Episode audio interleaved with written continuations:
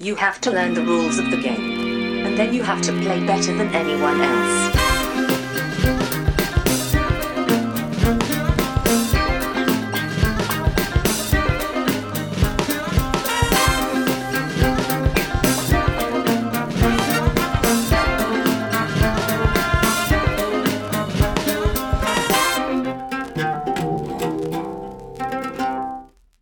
Hej och välkomna till Vems tur är det mellan turerna? Podcasten där vi pratar om spel. Jag heter Marcus Prisman, med mig har jag som vanligt min bästa vän och kollega Legolas, Timmin Gimli, Johan Järrud. Ja, ja, ja men det är sant. Vi är verkligen Legolas och Gimli. Legolas och Gimli, det är du Ja. och jag. Jag valde ju såklart dvärgen, för det, det vill man ju. Eh, ja, alltså...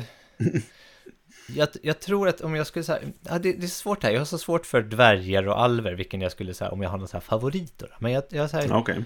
jag, jag tror jag lutar ändå lite åt dvärgarna. Och jag vet varför. Och det, det är för att jag är så innördad i Dragon Age-världen. Okej. Och där så tycker jag att dvärgarna har, den världen är jäkligt schysst där. Jag känner jag till tror att det är väldigt lite till om den faktiskt. Ja, okej. För jag tycker den är mycket schysstare beskriven. Den är väldigt klassisk så här, typ, ja, berg, dvärgarna bor i bergen och liksom Mm. jada, jada, jada och det finns en kung och så där och de är miners. Men jag tycker ändå att det är en mer intressant story tror jag än eh, vad alverna har i den världen. Och om, kan, Okej. om man tänker en annan värld där det finns eh, liksom en annan fantasyvärld där det finns alver och dvärgar så, så känner till, till exempel World of Warcraft. Där tycker jag Ja, också det. att eh, dvärglåren är bättre än alvlåren. Men i, i Lord of the Rings så vet jag inte, där ligger de ganska, jag tycker man känner, känner alverna bättre än man känner dvärgarna eftersom i princip alla, Ja, Ja, om man det är väl Bilbo kanske. sant. Jo, ja, jag vet inte. Jag, jag brukar föredra dvärgar för att jag tycker Ja. alver brukar vara så himla högfärdiga av sig. Och sånt gillar inte jag. nej precis. De ska vara så märkvärdiga hela tiden. Ja, ja, ja, ibland så vill jag vara lite märkvärdig då, men... Eh, fast då med all due respect så kan jag nog inte kasta dig. Nej, Så du är rätt safe på det hållet. det är sant. Men du är ju Legolas, du är ju inte Aragorn. Så det, det är ju liksom... Nej, det är ju sant. Nej, precis. Eh, Jag hade ju aldrig. Ja, precis. Det är väl Aragorn Kan du gå på snö? Ovanpå snö liksom. Mm, det är en bra förmåga. Jag kommer ihåg för länge, länge sedan, för att dra det här lite till brädspel då, när vi spelade Mm. Blood Bowl. Jag spelar inte dvärgar nu då, men eh, jag har spelat eh, Undead-lag. Men så skulle jag spela mot en, en High Elf-spelare. Och han, han, liksom, han var så inne i det här att liksom, han rollspelade sin, sin fantasy-ras. Så att eh, när man slog vädret, man slog ju väder varje match sådär, vad, vad det är för väder liksom. Och så regnade det. Och han bara, nej men vi spelar inte regnet. Vi blir så leriga då. Så lämnade han en walkover så vann jag den matchen. oj. Okej. Okej. Ja, ja. Det är verkligen all in. Ja, men verkligen. Och så bara, ja, ja, man får spela två matcher Spela idag. Ska vi spela en match till? efteråt, Ja, eller? jo, men Ja, gjorde okej, spelade vi den ja. riktiga matchen då. Ja. Nej, men det var lite kul. Var det en liga så att du fick liksom en... en Ja, ja. Ja, Man får tyvärr så får eh, alltså... ja, just du det, får man ju kör både en- hemma och bortamatchen va? Eller någonting sånt där. Ja, men precis. Och problemet är att man får, jag får inga mm, erfarenhetspoäng till mina spelare. Jag fick ju en Nej. MVP då. Den Ja, delas ut automatiskt. Ja. Men allt annat, och det är, jag vill ju ha det. Ja, det är därför liksom, man spelar, för att kunna utveckla liksom eh, Exakt. laget. Ja. Precis. ja, ja. Där ser man. Ja, okej. Eh, ska vi bara gå vidare helt enkelt och prata om vad vi spelat? Ja, det kan vi göra. Ja, vi kan prata mer alver och vär- dvärgar också, men jag vet inte hur intressant det är. Det är det här med att vi ska tråka våra lyssnare med någonting. Förra gången Ja. så tråkade vi dem med, med eh, Blues Brothers. Och den här gången just är det. Alver och dvärgar. Så att, Ja, ja. eh, ni får stå ut med lite att vi tjatar i alla fall. För det är lite kul, tycker vi. Eh, Men nu går vi vidare till vårt första programpunkt.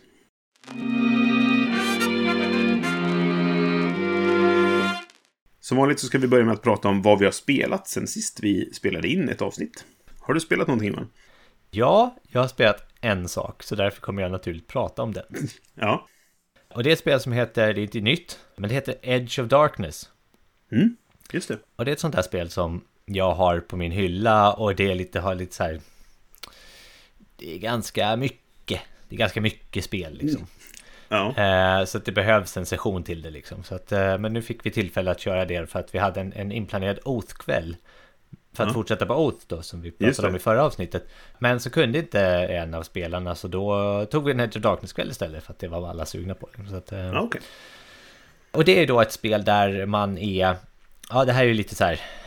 Man, eh, det finns en stad som ligger på gränsen till eh, det onda området och eh, där... Det mörka området möjligtvis. Ja, det ligger på gränsen ja, ja, till det mörka. Det ja. ligger på gränsen till det mörka området, precis. Det är helt rätt. eh, och då är man, man tar gestalt av ett gille i den här staden då. Eh, ett gille, det är lite oklart vad gillet gör.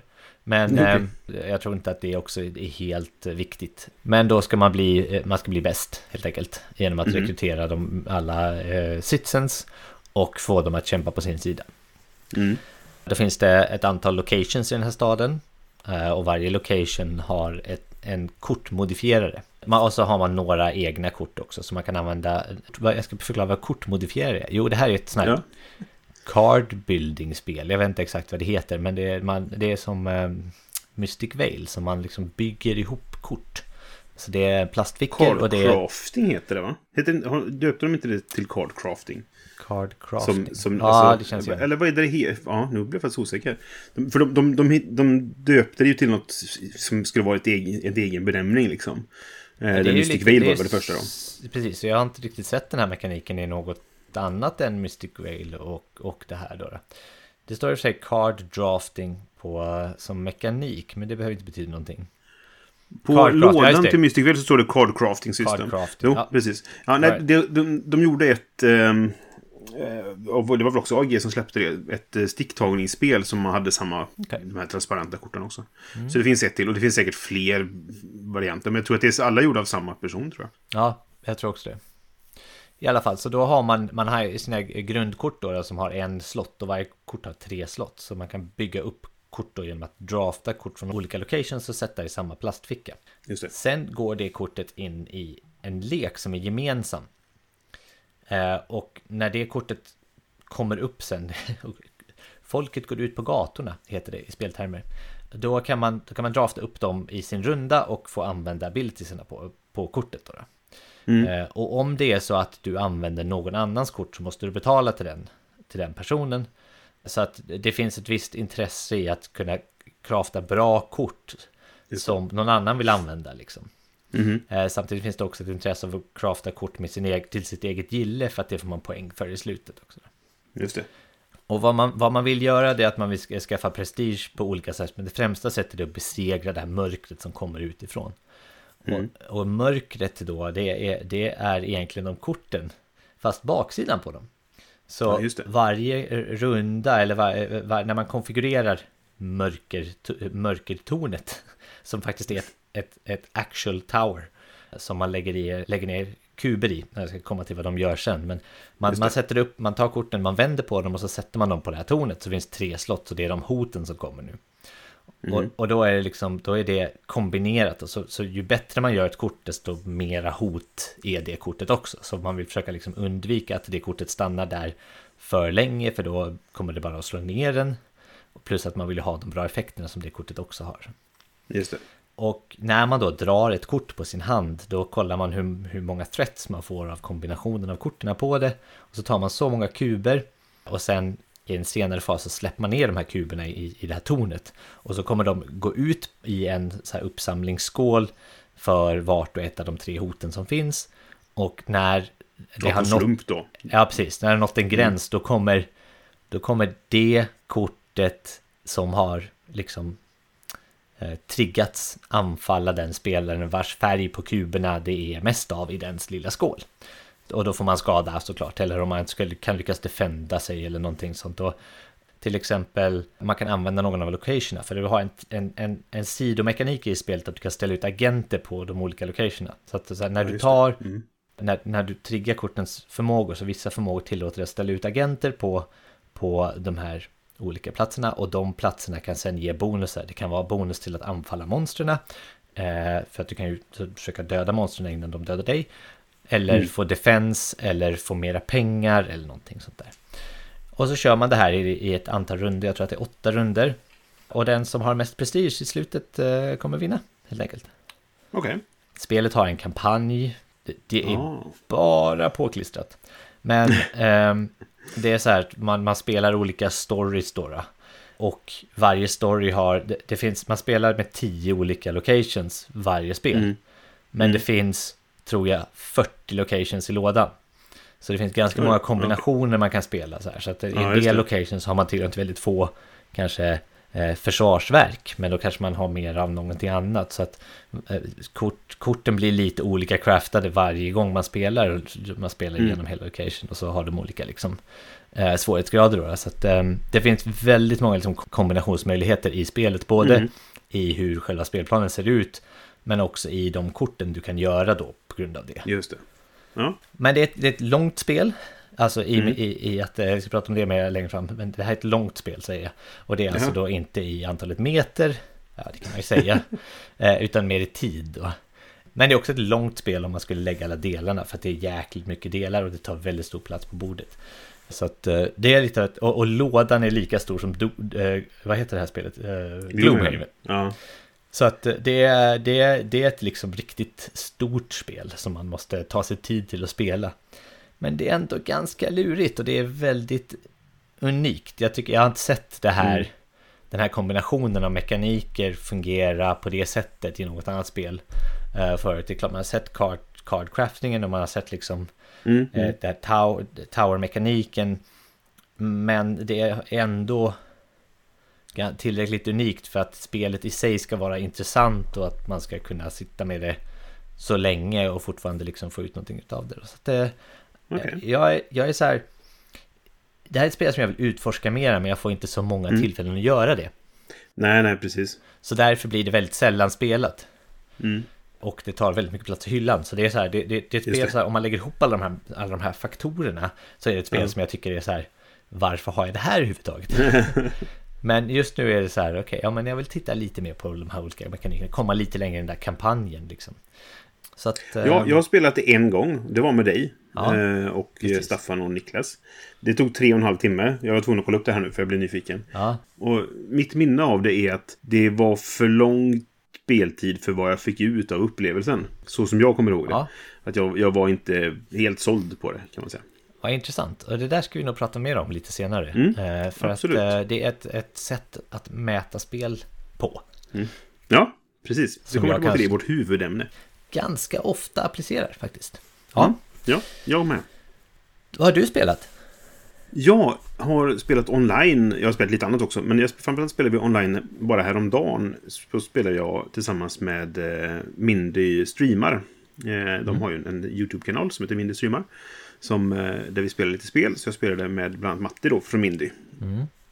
Och med eh, Thomas Kondelago. Som också är en del av Mindy. Och med Mikael Lyck som har då designat eh, Fantomen-spelet. Det. Eh, Så det kan man titta på om man vill googla eller så, på YouTube. Indie Streamer kan man se när vi spelade Beyond the Sun. Okej. Som var ett Ja, spel som jag hade... vänta. Det är jag lite nyfiken på tror jag. Ja, precis. Jag, har varit, jag köpte det för ett tag sedan och har, har liksom inte kommit till att spela det. Och Matti var väldigt sugen på detta så tyckte vi Ja. att ja, men då, då klämmer vi det. Och det var faktiskt jättebra. Vi hade väldigt Det har jag hört talas om också. Ja, Att det ska vara bra, alltså? Jag, ja, och jag tror jag hade det som eh, min eh, se fram emot att spela för ett tag sedan.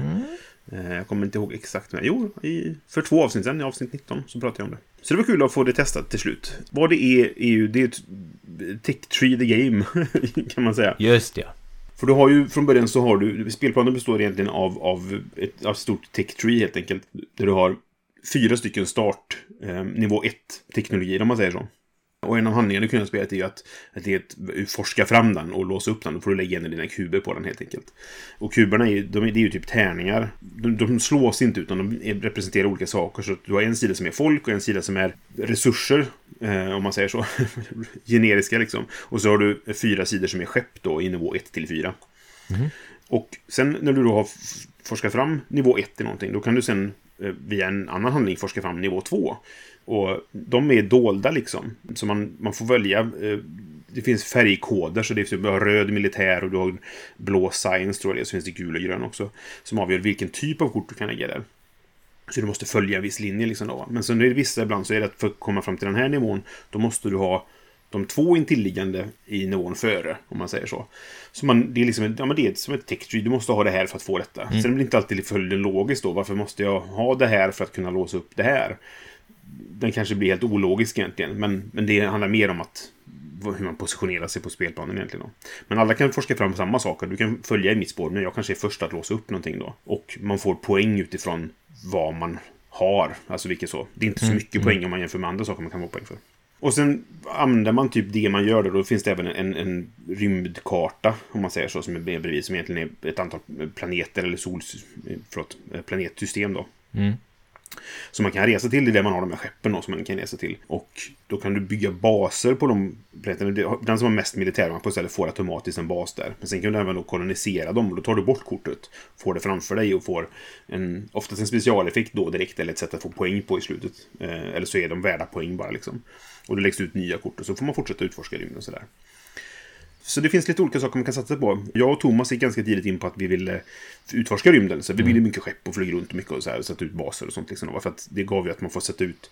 Du har din egen lilla spelarbricka som du får flytta saker från. Markörer liksom. Och när du flyttar bort dem så ökar det din inkomst. För i varje runda så får du automatiskt inkomst i antingen i år eller personer. Och det, det här var nästan den roligaste mekaniken. Det är att du har fem kolumner A, B, C, D, E. Som du tar de här. Där, när de ligger där, då är de resurser som inte är någonting egentligen. Och så tar du dem därifrån när du bygger skepp. Eller när du får eh, folk då sådär. Och när du tar folk till exempel, då tar du från, beroende på hur mycket du har låst upp, så tar du från alla kolumner som är upplåsta om man säger så. Men bara ifall det finns något i dem. Så att är en kolumn tom, då får du inte den inkomsten. Men när man spenderar saker, då läggs de ju tillbaka där. Men då fyller man alltid upp från E och mot A så att säga. Och det är alltid A du tar det först när du tar och så vidare. Så att man fick ha lite koll på så att man inte liksom skulle ta inkomst och så fanns inget att ta om man säger så. Ja, ja. Mm. Det var ganska torrt egentligen, men jag tycker det var väldigt intressant. Och det fanns... Men så man kunde gå lite olika vägar och sådana saker. Mikael som vann då, han, han gick stenhårt in på att låsa upp teknologi. Han struntade nästan i att flyga runt i rymden. Och han, han vann superstort, så det kanske var en Ja, bra tekni- taktik då. Men, ja, men han hade nästan dubbelt så mycket poäng som... Eh, jag kom tvåa, jag hade 47, han hade 71 tror jag. Sen hade han mer Okej. än... Han hade dubbelt än, än vad de andra hade liksom. Men och så finns det achievements som man kan låsa upp då. Två stycken som är alltid med. Och så finns det vissa som man kan satsa på att få då. Jag, var, jag gick in för att få en av dem, så den fick jag ganska tidigt. Och det är även en endgame trigger som säger att nu när fyra stycken sådana är, upp, utlagda då, då, då är det endgame liksom. Men jag tyckte också det var ganska kul för man kunde bygga story i det. Utifrån vilken teknologi som kom. Och det var väl kanske bara en slump egentligen. Men det, det blev väldigt kul för att den första nivå 2-teknologin jag låste upp var Human Experiments.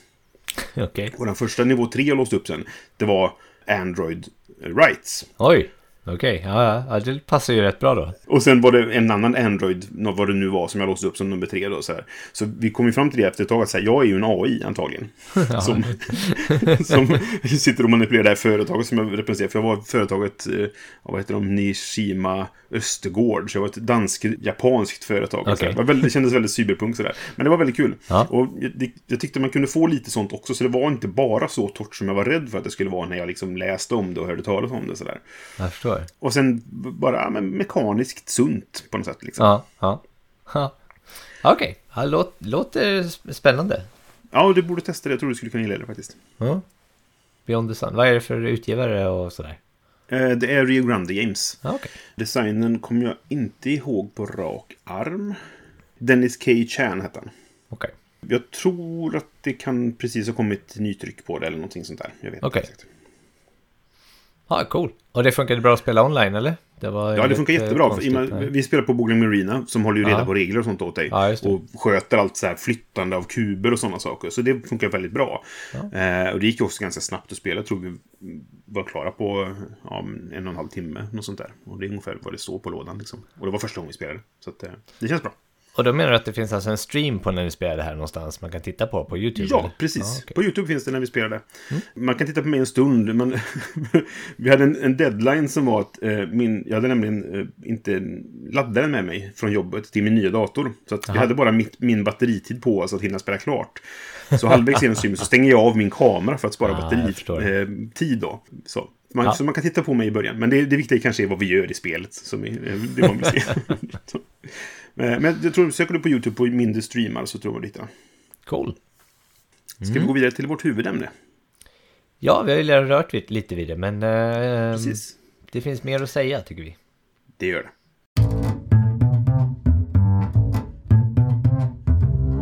Den stora frågan vi ställer oss i det avsnittet är hur långt är ett spel? Ja, precis. Hur långt är ett spel, Ja. Brisse? Olika. Ja, det är faktiskt helt rätt svar. det beror på, hade jag också, hade jag också godtagit. Ja, exakt. Det beror på. Nej, men vi tänkte prata lite grann om, om så här, ja, men spellängd och vad som är rimligt och vad, hur det påverkar vår syn på spel och sådana saker. Så att, ja, spellängd i allmänhet. Ur vårt perspektiv, perspektiv såklart. Ja, men, jo, men det, så är det ju. Det är ju självklart mer eller mindre. Det, är, det här är ju som vi känner då. Och det är väl till viss del kopplat till det här som vi pratade om, om bra för vad det är, som vi hade för några avsnitt sedan. Precis. Just det här att, att ja, men korta spel som ändå kan vara bra för vad de är. Vi har ju också pratat om att betygsätta spel, så t- två av våra skalor är ju liksom hur bra är det för vad det är och hur långt är det? Jo, men precis. Alltså, för lite som jag var inne då på när vi pratade om Metro Darkness alldeles nyss, så tyckte jag ju att det, tre och en halv timme var för långt för mig för vad spelet, gav Spelet mig gav, samtidigt. exakt. Jag, jag tror att vad, jag, vad jag vill svara på den Mm. är att jag tror att det beror på vilka förväntningar man har. Ja. För om, om jag säger till dig nu igen så här, hörru, vill du komma över och spela Edge of Darkness en kväll? Då Mm. vet du att okej, då ska vi spela Edge of Darkness, det har jag spelat förut. Det tar jättelång tid, men den här kvällen har vi satt, satt av till att göra det, så då är det Ja. okej på något vis. Här. Jo, men visst. Men, men när ett spel blir för långt, då är det nästan alltid, tycker jag, för min del, att man är oförberedd på att det ska bli så långt. Det finns undantag. och det, vi kommer till, jag har ett exempel på det. Men Ja. just det att om jag sätter av då en kväll till att spela Edge of Darkness, då vet jag exakt vad jag får. Men Ja, säg att man är på typ ja, en mässa eller någonting och man öppnar ett nytt spel och så nu ska vi spela det här spelet. Och så sitter man där tre och en halv timme senare och inte visste vad man gav sig in på. Nej. Och liksom, då är spelet för långt. Nej, men precis. Vi har, vi har ett väldigt bra exempel på det när vi var eh, på, eh, på då spelkonvent. Mm. Så skulle ju eh, Micke spela rollspel så att jag och eh, Fredde satt oss och spelade eh, Imperium Classics. Ja, just det. Och det tog ju nästan tre timmar. Och det, det är jag jätteförvånad över, för det skulle inte jag säga att det, var, att det är ett långt spel. liksom. Nej, det trodde man ju inte att det skulle vara. Nu, nu, situationen som hände där var ju att, att eh, Fredde fick, lyckades verkligen på något sätt få till sin motor, så han gjorde extremt långa rundor. Det, ja. Och han, satt, han sa så här efteråt, så här, han skämdes ju för det, det var jobbigt liksom. När han bara, ja, är det min tur igen? Oh, så suckade han liksom så här, för att nu vet jag att jag kommer slösa med Brisses tid liksom. för han gjorde ju alltså rundor som tog, ja men kanske tio minuter, en kvart. Och sen gjorde jag en runda som tog två minuter. Och så var det hans tur igen en kvart. Eh, och så höll det på så. Jäklar alltså. Ja, och det, det har ju fått mig att vara tveksam till att vilja spela det på många igen, egentligen. Ja, jag skulle ja. vilja testa det på två igen, liksom. Men jag kanske känner att det kanske är bäst som ett solospel. För att då, då styr jag själv över tiden, liksom, om man säger så. Och det tycker jag är jätteintressant, just att man har Mm. den här äh, erfarenheten då av ett spel som egentligen, ge- om jag, om jag, om jag bara är helt objektiv, eller inte objektivt, om jag, om jag skulle titta på lådan på Imperium, Classics eller Legends, spelar ju ingen roll. Och tänker så här, okej, det, här, det här är ett ganska litet spel. så här, Ja. Vad kan jag få ut av det här egentligen? Så här, vad förvä- då sätter jag en förväntning. Ja. Att det kanske tar liksom under en timme att spela, ett ett kortspel som tar under en timme att spela eller någonting sånt där va. Men så får man en sån där mastodontupplevelse av det och då är det är såklart, var man inte beredd på det så är det ju negativt för spelet egentligen kanske då. då. Jo, men, ja, men precis. Alltså, nu, nu gjorde det inte så mycket. För att ja, det kom förbi folk och jag kunde prata med dem lite grann och sådär när det inte var min tur. Och det tog precis så lång tid som Mickes rollspel tog. Så vi, vi Ja, höll på ja, ja, då precis så. lika länge. När han var klar så var vi klara. Så ja, men vad perfekt, så kan vi börja spela tillsammans igen. Eller vad så då? Men, men det får ju mig ändå att så här, jag vet inte om jag vill ha riktigt... För jag, det stora problemet i det läget var att jag hade ju väldigt mycket downtime, som man säger på den Ja, svenska då. Alltså eh, inaktiv tid och jag bara stod och väntade på att det skulle bli min tur. Mm. Och jag kunde ju använda en del av den tiden till att planera min runda. Men det gjorde jag ju på kanske en minut. Ja, just, Eller precis. två. Ja. Och sen satt jag och väntade i, i tio minuter till då ungefär. Mm. ja, verkligen. Och det är nog där jag oftast kanske får problem med långa spel. Vid lo- lång tid av aktiv- inaktivitet. Precis, om spelet är långt och jag dessutom är inte in aktiv så mycket. För är jag aktiv under stora delar av spelet, då spelar spellängden inte så stor roll. Nej, det håller jag med om till viss del. Om det fortfarande är intressant vid den tidpunkten så att säga. Eh, Jo, nej men visst så är det. Men det, det handlar väldigt mycket om hur långt känns spelet. Ja, exakt. För det kan kännas kort fast det är långt, och Ja. tvärtom. Ja, verkligen. Ja, nej, men det, det håller jag helt med om. Däremot så har jag liksom ingen bra... Vad det är som gör det, det kan jag inte riktigt sätta fingret på liksom. Men det är, antagligen, det är väl antagligen vad- som liksom får dig att ticka på något vis, va? Upp till var och Jo, en. men precis. Alltså, nertid, eller inaktiv tid så att säga, det är nog en del av det. Men jag tror också överlag det har hur engagerad man är i vad som händer i spelet. För det kan vara ganska olika det här, ja, men beroende på hur engagerad jag är i vad du gör på din runda. Jag kan vara väldigt engagerad i det, fast det egentligen är då min inaktiva tid. Ja. Men det kan vara att jag fortfarande är intresserad av vad du gör. Och så finns det spel som är precis tvärtom. Där jag, så här, jag kan bara sitta och vänta för att det påverkar inte mig vad du gör. Jag brukar inte ha ett problem det här med man alltså, pratar om, om multiplayer och solitär. Liksom, eller så här. ja. Jag brukar inte ha ett problem med det för det mesta. Men ett långt sånt spel. Där jag kanske också behöver vänta då på att ni ska bli klara med era rundor ifall jag är snabb med min runda. Då kan det bli att det känns för långt. Ja, precis. Ja, men det håller jag nog med om. Och vissa spel har ju, de måste ju egentligen ha det medve, med, vara medvetna om för att kunna lägga till den här regeln. Den pratade vi innan, det är mina favoritmekaniken, den här follow-mekaniken som vissa spel har. Men, Mm. Just det. mest har jag sett den i Lacerda-spel, liksom så här, men typ att om jag gör någonting på min runda, då kan du trigga en follow på något sätt. Och då får du göra samma action, fast kanske lite svagare eller någonting sånt där. Vilket innebär att du engagerar spelaren. Och då förhoppningsvis leder ju det till att, för att är man, och det, det är väl ganska sant så här generellt, att om man är väldigt engagerad i någonting så märker man inte att tiden går. Det är lite så här eh, flow, jag vet inte om du har läst om flow, men det är, är Ja, jag flow-teorin att, att man liksom så här, om man, om man hittar den gränsen där ens engagemang och, eh, och effort liksom är perfekt så att det blir Mm. så att man liksom inte, inte egentligen märker att tiden går, att man är så pass kan- liksom effektiv i det man gör. Då har man nått den här, det här stadiet. Eh, Det, det finns ganska mycket, ganska mycket information om det där, men om ni är nyfikna på det kan man kolla upp flow. Och, och det tror jag är Mm. helt sant, att, men då måste man hitta ett sätt att engagera in i, och undvika nedtid tror jag.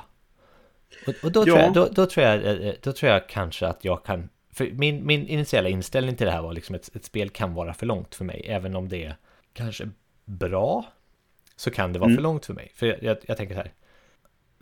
Om jag, om jag tänker på, på spellängd så säger jag så här. Har jag, säg två timmar. Så skulle jag Mm. säga.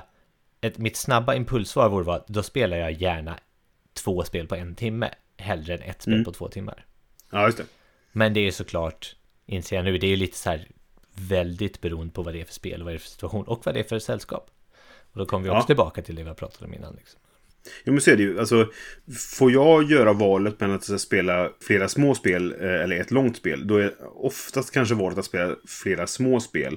Men det kan också bero på ja, men, hur lång tid jag vet att jag har på mig överlag. Alltså, är jag på en spelhelg till exempel, där jag vet att jag har hela helgen på mig, då, då kan jag ju sätta mig med ett riktigt långt spel. För att då är det det vi gör här nu. Om det skulle vara liksom fyra kompisar i en stuga eller något sånt där. Liksom, va? Då vet jag att jag gör det. Är jag på ett spelkonvent, även om det är en hel helg, då kan jag bli stressad av att spela ett långt spel för eh, det kanske finns fler personer jag vill spela med. Som- när vi har haft Blizzcon till exempel. Just det. Då det, har jag bjudit in folk som jag vill ha där och spela med. Ja, Och när vi spelade Edge of Darkness i tre och en halv timme, det var ju kanske två timmar mer än vad jag vad du ville hade ha tänkt då i det investera, ja visst, precis. För jag ville spela med andra också. Och nu så Ja. han, jag, jag tycker det är jättekul att spela med dig och Staffan och Niklas. Men det var ju tid jag inte spelade med till exempel Åke. Ja. Eller Joakim som var där. Eller så, ja, du vet. Ja, ja, jag förstår precis. Så det, det, det blir ett avvägande också på något sätt då. Och sen, jag, jag, för mig väger jag ju också in då hur många recensionsex hinner jag klämma på en kväll. Ja, men du är ju speciell i det. Så, så, det, och, så det, det är ju ett, någonting jag kanske väger in då. Ja. Men, men det är ju lite, som sagt, specialsituation då. Jag, jag, jag, en annan så här impulsiv grej jag har när jag tänker på det här är att jag vill gärna inte spela ett så här fillerspel ju en term liksom. Mm. Utan jag vill spela ett, ett så här, jag, jag, jag, min, min, eh, min kompis eh, Lasse brukar, eh, han brukar säga att jag bara tycker om medeltunga euron. Ja, just det. Eh, Det är ett Johan-spel, säger han. Mhm. Och, men det är lite sant, för att då känner jag att det är ett spel som kanske man spelar på en timme, som har liksom lite schyssta mekaniker och sånt, och man får ut liksom en, en, en upplevelse ur det. Och det brukar jag föredra eh, både mot ett, ett längre spel som tar längre tid, som är större investment, Mm. men också flera runder av en så att säga filler. Ja. För det tycker jag inte jag får ut lika mycket av då, då. men det är ju såklart där, där får jag ju liksom eh, erkänna själv att ibland har man ju fått rätt, kul, rätt mycket kul utav en filler också liksom. Ja. Eh, Det är ju Mm. några gånger när vi har liksom varit på Essen och så har vi upptäckt en sån här liten typ som vi hade kunnat klassa som en filler då. Och så har vi bara Mm. spelat och spelat och spelat och spelat liksom. Just det. För det är ju en liten speciell eh, situation som kanske faller lite i sin egen kategori. Om, om man tänker så här, för där är ju liksom så här på, på dagen så går man runt på mässan och håller på och tittar på nya spel och blir nyfiken och får intryck och grejer. Så att sen så köper man spel och sen går man tillbaka på, på hotellrummet och då ska man spela de här spelen. Just det. Och där finns det ju en viss tidspress ändå va? Ja, ja. Plus att det ska läsas regler och sådana här saker. Och där, där känner jag definitivt att har jag spelat ett, eller sätter vi oss ner med ett typ två, tre timmars spel där, då har jag missat tid att, att spela Ja, andra spel som jag har köpt. Och men, men det är också så här, det är ju en gamble för att man kan, Mm. eh, man kan ju inte veta hur långt ett spel är. Nej. Och då säger du, det står ju en speltid på lådan. Ja. Ja, det gör det ju aldrig. men hur ofta stämmer den liksom? Nej, Plus att nej. du ska räkna med, räkna med tiden det tar att lä- läsa regler också. Ja. Men, ja, nej, men precis. ja. Men jag tänkte fråga dig som en följdfråga, liksom, vad, vad, Mm. hur ofta upplever du att den där speltiden stämmer? Liksom, och i vilken, i vilken miljö stämmer den? Ja, men det, det, vi, vi, vi pratade om det ibland i första intrycket till exempel. För att det spelar vi alltid ett spel för första gången. Och, och vi, jag får ju statistik så jag skriver ner speltiden. Jag räknar aldrig in regelgenomgång i det. Utan jag räknar själva speltiden. För det är det som står på lådan. Det står inte läs regelboken. Tiden är inte inräknad där. Och förklara reglerna för någon annan är inte inräknad där och så vidare. Möjligtvis är setupen inräknad i det. Alltså att ställa upp spelet. Det vet jag inte. Men jag brukar räkna. Jag är osäker, spela. alltså, ibland. Då kör jag igång. Ja. Och det stämmer ju nästan aldrig första gången man spelar ett spel. Vilket Nej. är det vi oftast gör. Det är, alltså överlag så spelar jag väldigt vi. många gånger. Ja, men precis. Och då tycker jag att det stämmer ganska dåligt den tiden. Man får nästan, om inte dubbla den så i alla fall gånger 1,5 eh, Ja. till gånger 2 liksom i, i speltid. Mm. Och man blir nästan förvånad de gångerna som man håller sig till speltiden fast det är första gången man spelar. Ja, men som vi gjorde med Beyond the Sun. Vi höll oss under maxtiden. Vi var bara strax över minsta tiden egentligen. Det var 60-90 tror jag. Vi spelade ungefär en, en, eh, en dryg timme. Men det var ju också för att mycket var automatiserat. Mycket det här plockandet är ju av sig självt på, på Board Arena då. Men jag tycker ofta att man kan känna så här att ja, men nu spelar vi för första gången och det tog eh, en och en halv timme fast det står i 60 minuter på lådan. Men då kan vi nog klämma det på en timme när vi kan det. Ja, exakt. Ett bra exempel på det var ju när vi spelade, när vi upptäckte Red Mm. Rising här i år. När, vad, det står, jag kommer inte ihåg vad det står på lådan exakt. Eh, Men det står nog, den, den lådan, den, eh, låduppgiften är väl ganska ärlig. Det står 45 Mm. minuter eller någonting kanske. Eh, och när vi spelade första gången så bara, nej men det här tog jättelång tid. Men när vi hade lärt oss det och när vi spelade digitalt, när man inte behövde bry sig om precis. setupen, då kunde vi klämma det spelet på mindre än Ja. 30 minuter. Så det är en rätt intressant jag, jag tror att vad, vad gäller speltid så får man nog ner speltiden. Eh, det, det är en av de, digita- en av sakerna de digitala Ja. plattformarna gör. Att de, man får ju ner speltiden eftersom att setupen klarar sig och man kanske slipper kolla någon regel eller någonting för att det är ganska tydligt hur spelet upp. Ja, eh, precis. Sen, jag, det är en nackdel tycker jag med, för vi pratade om det när vi spelade Beyond the Sun, att, att jag, jag hade svårt att få en överblick över det spelet. Jag hade nog haft mycket lättare att få en överblick när jag, jag hade haft det på bord framför mig liksom. Och kunnat plocka upp ett bordet, kort ja. på ett annat sätt eller sådär. Eh, Men det, det, är, det har inte riktigt med, med speltid att göra men... Nej men det finns ju nackdelar att spela digitalt och fördelar liksom. Det har vi pratat om innan Jo, men också. precis.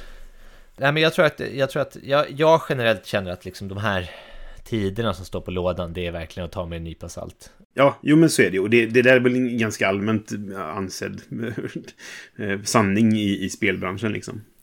Men, men det är lite roligt att, för att jag, jag tror att de, de som är liksom die hard uh, brädspelsfans, som du och jag kanske är, kan man kanske räknas. Vi är väldigt mycket så här, Ja. Cult of the New, vi ska spela ett spel och sen ska vi ge oss på nästa upplevelse. Vi ska spela Mm.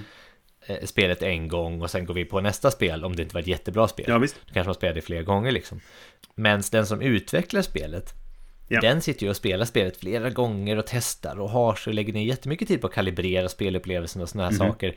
Och jag antar att den då sätter den här lådtiden ut efter den så att säga optimala spelupplevelsen när liksom alla vet vad de gör. Det är väl så den blir skev, antar jag. Ja, den, den sätts väl antagligen i slutet av utvecklingsprocessen när man inte gör blindtester längre. Utan när man bara matar tester med folk som har spelat förut för att eh, få bort de sista skrynklorna liksom. Just det. Antagligen tajmar man dem. Jag vet faktiskt inte exakt, men jag gissar att det kanske är så. Du, om vi någonsin har en eh, typ speldesigner eller något med på den här podden, då ska vi fråga den personen där. Mm. Ja, det ska vi göra. Absolut. Vi har ju en, en fundering på en i alla fall som jag pratade med om dagen. Ja, så att, eh, ja. vi, vi, den, den, den ska Ja. vi komma ihåg tills dess. Mm. Men du, du sa att din, din sweet spot var runt en, en timme, sa du det? Ja, Jag tror en till en och en halv timme, Ja. tror jag. För jag ligger ungefär också där. Jag gillar också, jag brukar också säga att jag gillar medeltunga euros. Och det är nog där jag ligger på ett ungefär också. Eh, jag kan ju dock tycka, alltså, det beror lite grann också på vad jag är ute efter. För jag spelar Mm. jättegärna fillerspel. Det, det är intressant, en fotnot på filler, så kommer vi tillbaka till det alldeles strax. Men, men eh, jag spelar jättegärna sådana, men, men vill jag ha den lite matigare upplevelsen, då vill jag att det ska ligga någonstans mellan en en och en halv, kanske upp till två timmar beroende på hur, vad, vad, hur engagerad jag är då så att säga. Va? Mer än så, då Mm. börjar det bli för långt för mig. Men det beror lite grann på vad det är för typ av spel. Ja, jag tror inte jag kan vara så kräsen med hur, jag, hur ofta jag spelar. Jag tror aldrig jag är liksom, inte nu för tiden i alla fall, jag får prata för, om mig själv i nuet. Ja. Liksom. Men idag är jag bara glad att jag får spela ett spel. Ja, Så att, så att, eh, men det har nog sällan varit, jag är nog aldrig ute efter en viss upplevelse, utan jag föredrar att bli överraskad av ett spel. ja nej, nej, jag, Det- jag menar är mer lite- att om, det, det kanske återigen förväntningen som man är är inne på då, men om jag förväntar mig att det här ska vara ett lite matigare euro, där jag ska liksom, ja, men kunna bygga en motor eller vad kan det vara, då ska det ju vara lite längre också. Då ska det inte vara Mm. över på en halvtimme, då tycker jag kanske att det är för kort.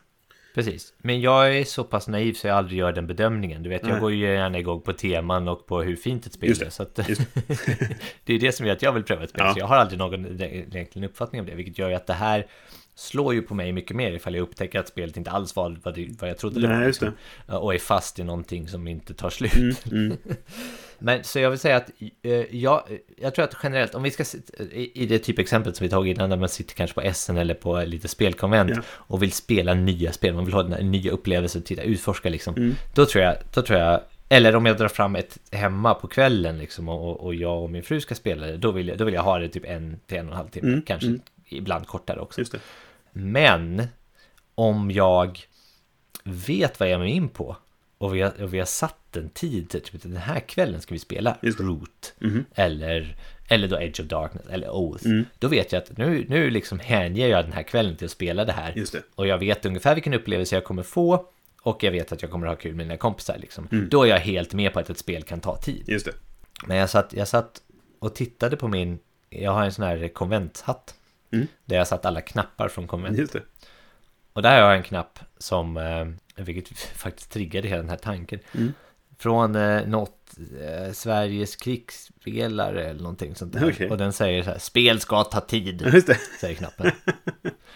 Och jag fattar det, jag fattar, jag Ja, ja. fattar verkligen Ja. exakt vad de sä- säger med det då. Men det, här är ju folk, det är ju typ det gänget som, som gjorde um, Kellys hjältar och, och Ja, de här Mm. typen av krigsspel och ASL och såna här grejer. Mm. Eh, Men, eh, men jag vet inte, ja, nej, spel ska ta den tid de tar om de är bra. Ja, men, Så vill jag till. Är ju ett intressant exempel. För det var ju någonting som oftast tog 12, 12 timmar att spela eh, en omgång. Och du var aktiv kanske i 20 minuter på de 12 Ja. timmarna. Beroende på Ja, vilken roll du hade. Vissa Ja. roller hade ju mer att göra. Men då, det, det, det var ju en upplevelse där du gjorde annat under tiden.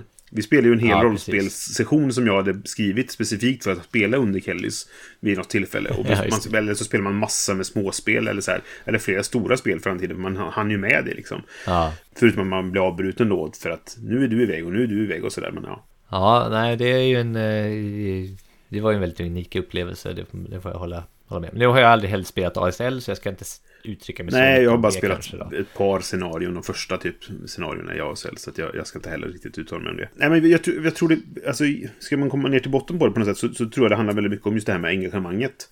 För jag tänker på när jag spelade Sleeping Gods.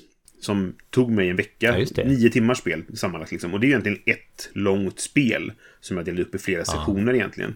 Det. Men i och med att nu spelar jag det solo, vilket gör att det blir en helt annan upplevelse. För då är jag aktiv hela tiden. Och det Ja, gjorde precis. ju att jag hade inget emot att det tog nio timmar.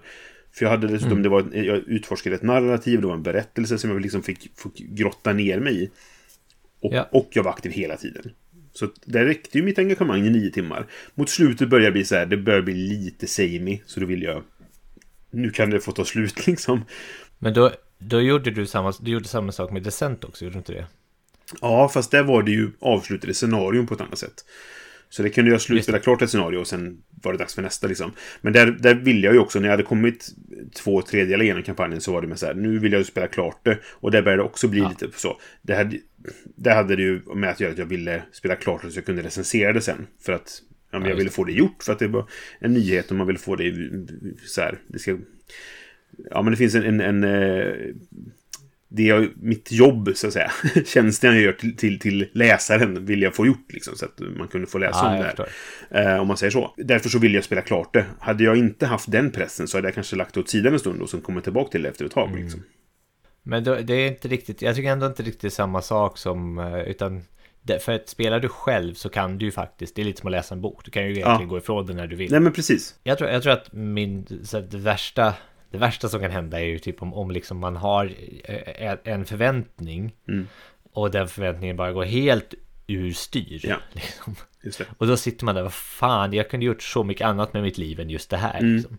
Och det behöver inte vara att spelet är tråkigt, det är kanske bara är att det pågår för länge av någon anledning. Ja, just det. Och det typexemplet jag har på det, det var ju såklart igen då, det här ni hört om innan, men när vi spelade um, A Study in Emerald. Just det. Där spelet var på väg att ta slut, Mm. tills du spelade ett specifikt kort, det var, finns ett av, som flippade spelets motiv helt. Allting bara byttes ut Fast och det var inte jag som spelade kortet, det var Åke som spelade kortet. Var det Åke som spelade kortet? För Ja. Åke bytte sida så att helt plötsligt var ni tre på Eh, samma sida. Just det. Och jag var kvar själv på min vann. sida. Ja, precis. Men Ja. du vann till slut. Jag Ja. antar att det var du som spelade eftersom att jag tänkte att ja, men du låg pyrt till så du kunde spela. Nej, nej, det var snarare advantage. Det tvärtom. var Åke som spelade? Ja, det var Åke som ja, bytte ja, sida. ja. För han tyckte det lät, lät roligt. Och sen så efter ett tag då eh, så blev det ganska Skitkul, uppenbart att tack Åke. ni var på samma sida, ni tre. eh, Du, Dennis Ja, och. Åke då, mot mig. Och då tyckte jag att det här, jag kan ju inte vinna nu. Tills jag insåg att, fast det kan jag om jag lyckas få er Ja, att slå på just det. varandra istället. Ja. Det var inte så mycket att jag lyckades få er att slå. Det var det ni var tvungna att göra för att kunna vinna. Ja. Ja. Ni kan lyssna på avsnitt eh, nio, tror jag det är. Okej, Av eh, Vems tur är det? Där vi pratar om eh, det här i, i, i grunden. just det. Om det finns det fortfarande. Jag vet inte om det går att hitta så när- långt tillbaka i, i, i, i gräva. Ja, det går, finns på webbsidan. Ja, just det. På spelradio.se kan man hitta det. Men i, poängen med det är ju där att bara en sida kan vinna. Den sidan, Ja, för jo. det finns två sidor. Den sida som har spelaren som har lägst poängtal, de förlorar helt. Och sen av de spelarna som är kvar då, som är på den andra sidan, där vinner den som har mest poäng. Och det var ju det som jag kunde... Kunde jag bara hålla mig så att jag var... Inte hade färst poäng hela tiden. Inte hade, ja, precis, Då skulle jag vinna liksom. Men ni ville ju vinna inom eran sida. Och därför så bråkar ni med varandra istället för mig. Ja. Så att, ja, var, jag, tyckte, jag tycker ju att det är ett briljant spel. För att det Ja. är så intressant av den anledningen. Men det ställde helt mina förväntningar, liksom, Ja. de kastades ut genom fönstret eftersom spelet blev helt annorlunda Ja. och jag var redan lite uttråkad av det. Just det. Ja, men, nej, men det, det, det, det kan jag verkligen förstå. Och den andra exemplet är när ett spel helt låser sig. Ja, när det finns ett, ett läge i ett spel när man testar liksom, sitter och testar varandra men ingen egentligen kan vinna utan det. att man skapar en situation där man egentligen blir en kingmaker. ja, ja. Mm. Och, och att, att alla är så pryda i det här att man liksom inte ger upp. Va? Nej, just det. Och då sitter man där och försöker hitta och lösa det helt spel. Och om inte spelet då tillåter en, en mekaniskt sätt att lösa det här på. Mm. Då sitter man och bara testar varandra hela tiden och ingen vill göra att den andra vinner och så blir det bara... Mm. Nej, det har också precis, hänt mig för- en gång. Du kanske inte vill ta chansen att... Alltså det är för riskabelt att chansa, en, eller göra en chansning för att säga jag gör detta nu och lyckas då vinner jag nog. Men om jag misslyckas Ja. då vinner andra spelaren, eller någon av de andra liksom. Precis. Ehm, så att, Så ja. man sitter hellre på sina kort eller vad det Mm, kan vara. mm, Liksom. mm, just det. Och det hände mig i uh, Mythotopia en gång när vi satt och spelade. Vi kom till ett läge där ingen kunde vinna utan att... Alltså ingen kunde göra någonting mer Ja, utan att den andra skulle få en möjlighet att ta ett extra poäng eller någonting. ja just det. Ja, Så vi intressant. bara, ah. Men frustrerande. Ja. Ja, och det var då var spelet för långt. Ja. Eh, En sak som lite relaterat till det då. För det finns ju egentligen två sätt. Det kanske låter, det, det, det är överdrivet. Men oftast finns det, två huvudsätt kanske som spelet tar slut på. Eh, och det är antingen så är det ett vi- visst antal rundor. Eller så är det något som triggas av någonting som spelarna gör. Just det. Och de två kan ju spela väldigt stor roll för hur upplevelsen av spelet är. Är det ett fast Ja, antal verkligen. rundor så kan jag ofta om det är liksom ett euro där man ska hinna göra saker för att få poäng till exempel. Då kan jag redan i runda ett vara stressad över att snart är spelet slut. Mm. Eller så, kanske halvvägs igenom typ så här, hur ska jag hinna göra allting jag vill göra innan det spelet är slut liksom. Medan eh, styrs det av spelarna, då kanske jag känner mig friare i det. Men då kan det också komma helt plötsligt bara, oj, tog det slut nu? Fan, jag har inte hunnit göra det Ja. jag tänkte göra. Precis. Eh, eller tvärtom då, att det är så här, varför tar det aldrig slut? Kan inte någon bara avsluta spelet liksom? Eh, som ungefär det läget du, du berättar nu då, eh, om Mittertopia. Mm.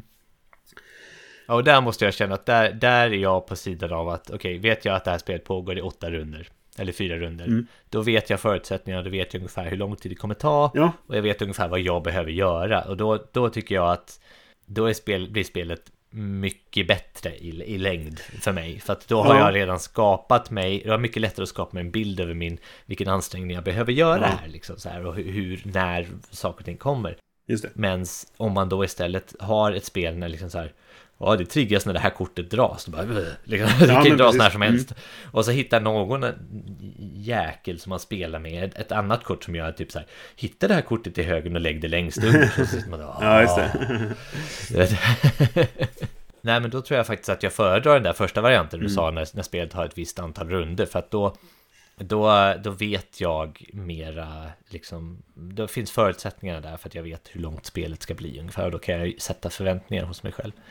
Och jag tror att där, det är där min lilla svaghet är och det är där jag säger liksom Mm. att alltså, det är där jag riskerar att åka dit på att tycka att spelet är för långt och därmed det blir tråkigt, dåligt intryck av spelet. När spelet, när jag inte kan sätta de förväntningarna. Mm. Jag vet inte, jag har väl någon slags kontrollbehov där antar jag att jag måste, jag vill gärna veta det för att då vet jag liksom ungefär hur det ska gå. Liksom.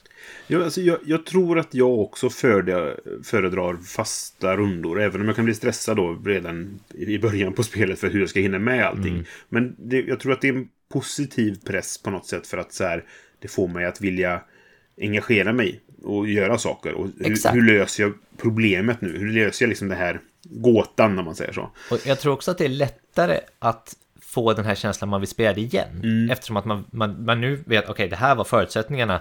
Här vet jag att jag var inte tillräckligt effektiv i den första rundan. Hur kan jag bli mera effektiv nästa gång jag spelar spelet? Ja, liksom? ja. Men så, det, det som kan vara fördelen med det här när det styrs av spelare det är att, att man kan jobba för att avsluta det ifall man tror att man har en chans att vinna och sådana saker. Mm. Vilket kan vara frustrerande ifall du är den som inte tror att du har chansen att vinna och någon annan jobbar på att speedrunna som vi brukar säga då. Alltså, nu ska jag Ja, spela det, klart det liksom sådär. Men om man själv är i den situationen, det är en ganska skön känsla när man typ så här nu kan jag göra så att det tar slut och jag kanske tar hem det här liksom. Ja, precis. Jo, men om man är i den situationen när man liksom avslutar spel så är de flesta spel byggda på det sättet att man ändå inte riktigt vet. Va? Nej, Och det stressar mig kan jag säga. Ja, okej. För att Mm. jag, jag, jag är så här, om jag ligger så här, jag vet att jag kan avsluta spelet, men jag vet inte exakt om jag kan det. nej just det. Det är klart, det finns säkert med, många spel är så här typ att ja, man kan räkna massa på förhand och sånt där. Men jag är inte riktigt den typen av analytisk person. Utan jag vet, jag har en känsla och då känner jag, men- eller att jag ser min, min score, score-markör som är längre fram än alla andra, så då vill jag avsluta spelet. Men då är det oftast så att det finns någon catch-up-mekanik i scoringen. Som Ja, eller att man- dolda poäng Man kanske Ja, liksom, Mm. ja, eller dolda poäng, precis. Och det tycker jag är fair. Det, det, är, det är en bra grej i spelet för att man inte ska vara en självklar vinnare. Nej men precis. Men, det, men jag kan tycka att det är kanske inte lika Det är kanske inte lika rolig känsla efteråt För om man då förlorar Mm. Så kommer man sitta och ha massa sådana här what ifs liksom Så Jag kanske skulle vänta en runda till Jag kanske skulle säga Åh, din, Ja, just det. din jäkel jag, jag, jag, jag håller fast vid, vid eh, mina fasta antal spelomgångar Ja, men jag, jag tror att jag gillar det också bäst egentligen. En sista fråga innan vi kanske går vidare till nästa programpunkt. Eh, om vi känner att Ja, vi är klara med detta ämnet. Men finns det spel du känner att spel eh, att de är för korta?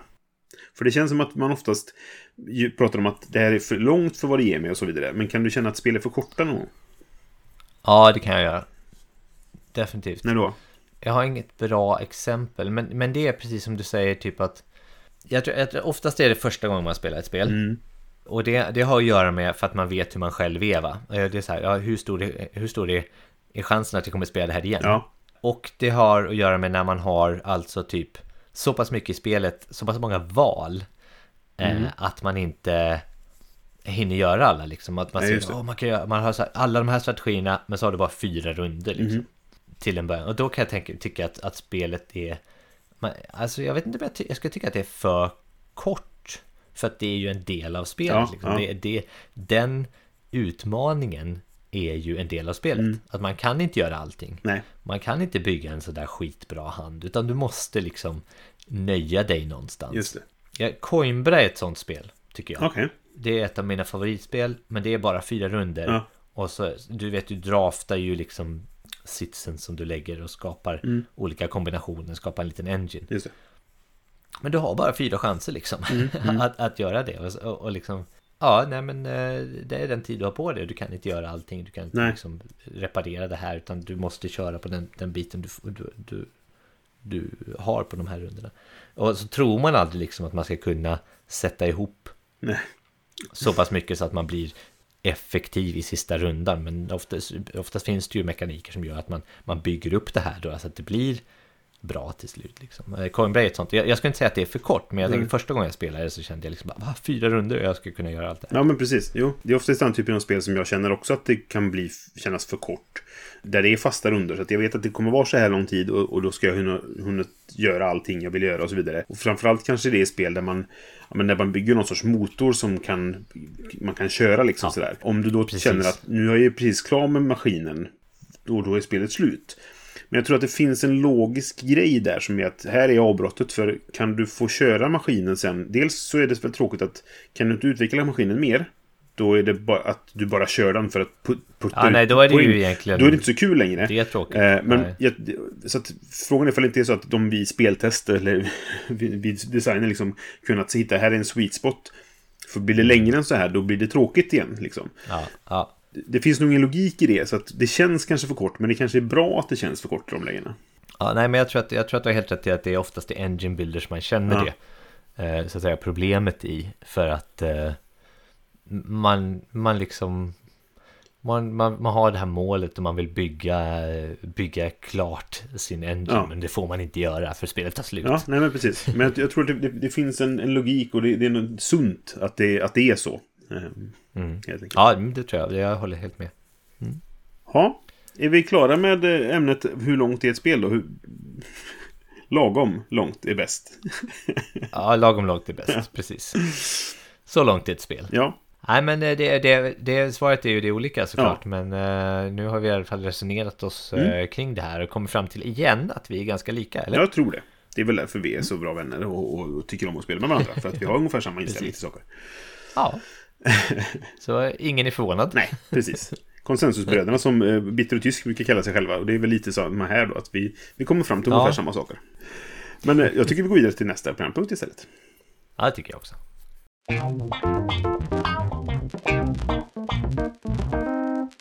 Då ska vi ta och ge er ett tips som inte är ett speltips. Så brukar jag inte Mm. säga. Det lät konstigt när jag sa det så. Nu ska vi prata om inte ett speltips-tipset. Så brukar jag säga. Det lät bättre. Ordningen återställd. Ja, bra. Jag kan börja med att berätta om en eh, YouTube-kanal igen. Jag är mycket på YouTube, eh, uppenbarligen. För det, det är ofta det jag tipsar om. Uppenbarligen, ja. Ja, Eh, men här är en YouTube-kanal som heter I'm Actually. Det är alltså en, en gameshow i klassisk sån här eh, ja, men Jeopardy eller kunskapsfrågesport mer eller mindre. Okej. Som är baserad på nördteman helt enkelt. Det är väldigt mycket, eh, ja, men det, är, det är nördfilm och det är rollspel och det är spel och det är, är eh, tv-spel och, och Marvel-filmer och Dungeons and Dragons och nördrelaterade saker helt enkelt. Och anledningen till att det heter I'm actually är för att det är det klassiska när nörden säger I'm actually och så förklarar man så här är det faktiskt egentligen då. Så att vad det är är att eh, programledarna läser upp ett, ett påstående som har ett fel i sig. Så det är inte så att det är en fråga typ att ah, vem är kung- eh, kung i det här landet? Bla, bla, bla, liksom, utan det är snarare typ att kungen i det här landet heter så här och han gifte sig med den här och sen så... Du, du, du. Och så säger man, vänta nu, I'm actually. För då måste man säga det, det är som i Jeopardy, att du måste inleda din, din rättelse med att säga I'm, I'm actually. Ja, okej. Och så får man då säga att kungen heter faktiskt så här, eller nej, han gifte sig med den här personen. Så man Ja, ja, ja, pekar, okej. utpekar då liksom vad, det, vad felet var i det här, det här påståendet då helt enkelt. Cool. Och jag tycker att det är jättekul för att det är, det är oftast det, det är så här, ibland är det på nördsaker som jag inte har någon inblick i överhuvudtaget. Alltså eh, anime till exempel. Jag, jag har väldigt lite insyn där känner jag. Okej. Men lika ofta så kan det liksom, ja men nu handlar det om Marvel, då har jag en chans att kunna svara rätt liksom. Eller ha, ha, en aning om vad det är liksom sådär. Och jag tycker Ja. det är kul just det att man kan, man kan hänga med lite själv, man kan lära sig någonting. Och det är lite annorlunda typ. För att det inte är det här, du måste kunna svaret. Ibland kan du chansa på att det där lät som det var fel. Ja, okej. Okej, ja, det är lite kul. Och ibland så är det ju det som är hela poängen då. Att ja, det lät som att det är fel, men egentligen, det stämmer. Vad är det egentligen som är fel i det här uttalandet då? Och ja, De som tävlar, har de valt ämnet på något vis? Eller Nej. har de sökt för ett visst ämne? Eller det är Nej, det är, random? det är internetkändisar inom citationstecken. Alltså det, är, det här är... förstår. Eh, vad är det de heter? Det är College Humor de heter kanske? Som så många är från. Det är, jag tror det är samma redaktion i grunden. Som några kommer från i alla fall. Eh, sådär. Okej. Eh, så det är mycket sådana, eh, ja, men, folk som håller på med, med internethumor kan man säga. Eh, som som får med då, eller är nördiga på något sätt. Ibland har de specialämnen, som har haft ett musikalavsnitt, de har haft ett eh, Marvel-avsnitt och de har haft ett, ett Lord of Rings-avsnitt, tror jag. Sådär. Så då, då är det detta Mm. det handlar om. Annars är det, kan det vara allt från den här eh, Attack on Titan-animen i, i en fråga, sen kommer nästa fråga om Lord of Rings, eh, fast bara böckerna, okej. inte om filmerna. Och sen så kommer nästa fråga handlar om, om liksom Moon Knight, eller det, det supervarierande liksom sådär. Eh, och det är det Ja, som är lite kul då, att det är så varierande Mm, ämnen då. Så att ja, det kan jag rekommendera. Om man, om man är nördig så kan man få ut någonting av, av Um Actually. Om man inte är nördig också kanske, kan man läsa lite nördig Ja, det är sant. Men då kanske man är helt lost. om man vill. kanske det, precis. Och så är det väldigt roligt när, när någon säger Nej men vänta nu, så här är det faktiskt. Och de bara uh, You didn't say I'm actually. och så bara nej! Och så är det en hel grej liksom. Då. Ja, det, så det kan jag rekommendera om man tycker sånt är kul. Mm. Vad har du för tips som inte är ett spel? Jag har ett lite udda tips. Mhm. Jag ska tipsa om tv-serie på Netflix som heter Arcane. Ja, okej.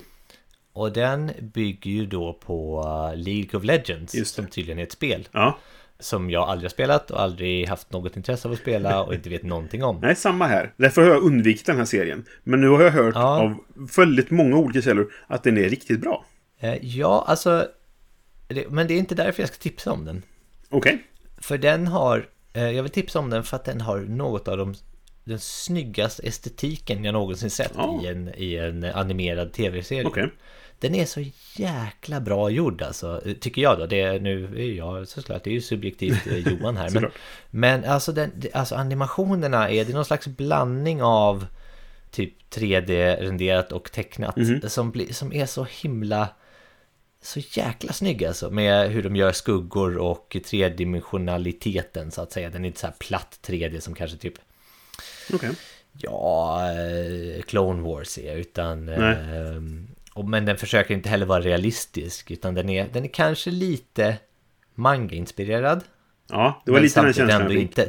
Det är väldigt svårt att sätta en, en label på den här. Så Mhm. jag, jag, min rekommendation är inte, alltså den är...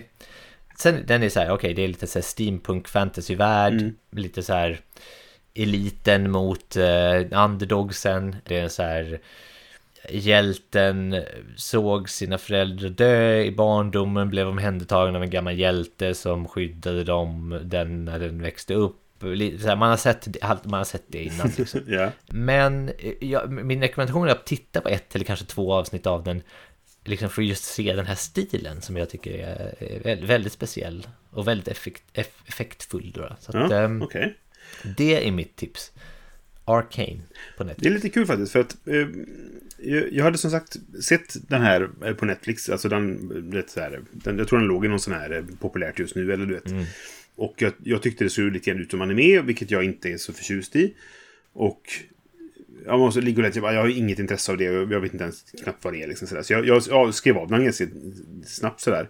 Men sen har jag sagt, Ja, hört från ganska många att det här är bra. Och det, jag har Ja. faktiskt lagt till den i min eh, att titta på någon gång-lista. Sådär. Det är ett avsnitt, tror jag, avsnitt tre kanske, som har typ så här 9,8 på IMDB. Det säger ju såklart ingenting, men, Nej. men ehm, de, de första som har sett den har i alla fall tyckt om det avsnittet. Ja, ja, liksom. Jag har inte ja. ens kommit till avsnitt tre nu, utan så, som jag säger, det är inte för storyn jag tipsar om det här, utan det är för hur det ser ut. Eh, och detaljrikedomen och animationerna och hur, man gör med, med ljussättning. Alltså det, Ja. jag tycker, tycker om det. Alltså. Ja, spännande. Sen så, så storyn är, har man sett förut som sagt, hittills i alla fall. Mm. Jag kan säkert bli överraskad. Men jag ska fortsätta se den då. Nu har jag som sagt en liten, liten kille som, eh, som inte alltid går och lägger sig Nej. helt när vi vill. Så att det blir inte så mycket tv. Men eh, jag ska försöka ta med den här serien. Där. Ja. Ja. Ja, men kul. Då, då, nu blir jag mer sugen på att titta på den mest för att eh, om inte annat se hur, hur snyggt gjord den är. mm, ja, men det ska du göra. Coolt. Då går vi vidare till vår sista programpunkt.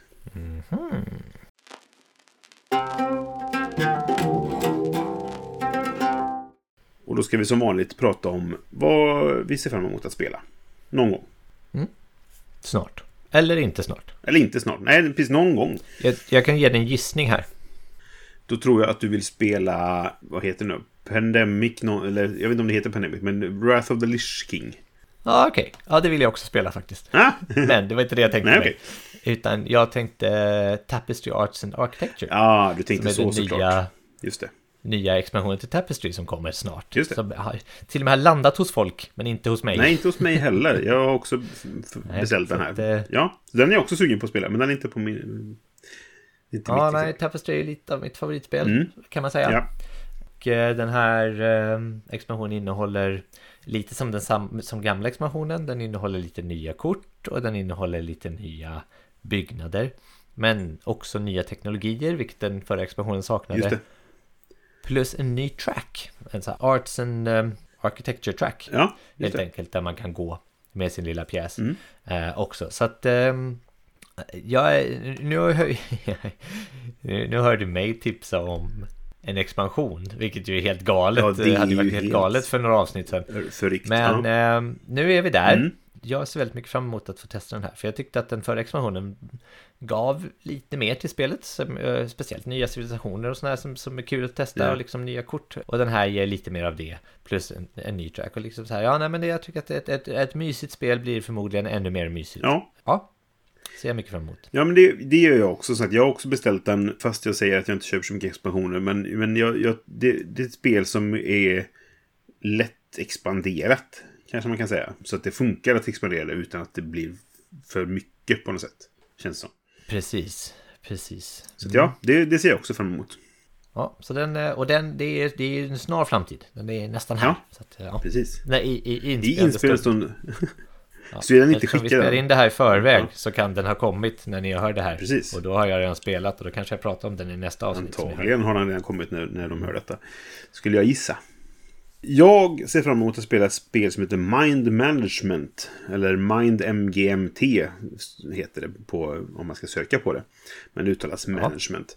Det, det heter, alltså, det har undertiteln Mind Management The Psychic Espionage Game med citationstecken runt game. Av någon anledning, jag vet inte riktigt varför. Jag har fått spelet. Jag har inte läst regelboken än. Och mycket av anledningen till att jag är nyfiken på det här spelet är för att det verkar så himla rubbat på något sätt. Alltså det verkar bara knasigt. Det är, det är baserat då på en, en seriealbum som är, är skrivet och tecknat av en kille som heter Matt Kint. Okej. Som jag har läst första albumet nu. Jag skaffade lite grann för att jag ville ha läst det före jag spelade spelet. Och det, han, det är lite så här... Vad ska man säga? Det är lite psykedeliskt och lite mm, MK Ultra agenter med specialkrafter och knasigheter och eh, eh, konspirationer och, och Illuminati. Jag vet inte, det är så svårt att förklara det kanske då. Men när, när utspelar sig? Är det så här nutid, dåtid, Nej, alltså... Eh, nej, medeltid? inte medeltid. Nej, okej. Ja, nej men det är väl typ nutid. Men den har några år på nacken Ja. här. Jag, jag, sku- det, jag skulle kanske säga att den ut, det är snarare strax efter kalla kriget är en gissning. Men det det, jag vet inte om det är helt uttalat heller. Det finns årtal i den här serien. Nu, nu kommer jag faktiskt inte ihåg exakt så när jag läste den. Men, men det finns vissa årtal i den och så vidare. Men, men serietidningen, eller den album som jag har läst nu då, som är, alltså det är första av flera, men de är svåra att få tag på. Jag fick leta jättelänge innan jag hittade den här någonstans i en butik liksom. Det handlar om en författare som ska skriva sin nya bok men har problem att komma på vad den ska handla om. Och liksom förläggaren jagar och så här. Vet man, ja, man måste få ett förskott och så vidare. Men du har fått förskott redan och bla bla bla. Så här, fram och tillbaka. Och så ser hon då ett nyhetsreportage om ett flygplan. Alltså ett, ett passagerarflygplan där alla har minnesförlust. Reportaget handlar om att det här hände för ett antal år sedan. Och eh, det var som att alla, helt plötsligt så var det alla, alla ombord på planet visste inte vad som hade hänt. Och de, de sa, vad gör jag här? Vem är jag ens? Liksom sådär. Och många av dem så handlar det om att många av dem hade fått minnet tillbaka och så vidare. Utom en person då som hade försvunnit och hur det nu var. Och då bestämde jag, min bok ska handla om att jag ska hitta den här personen som försvann då.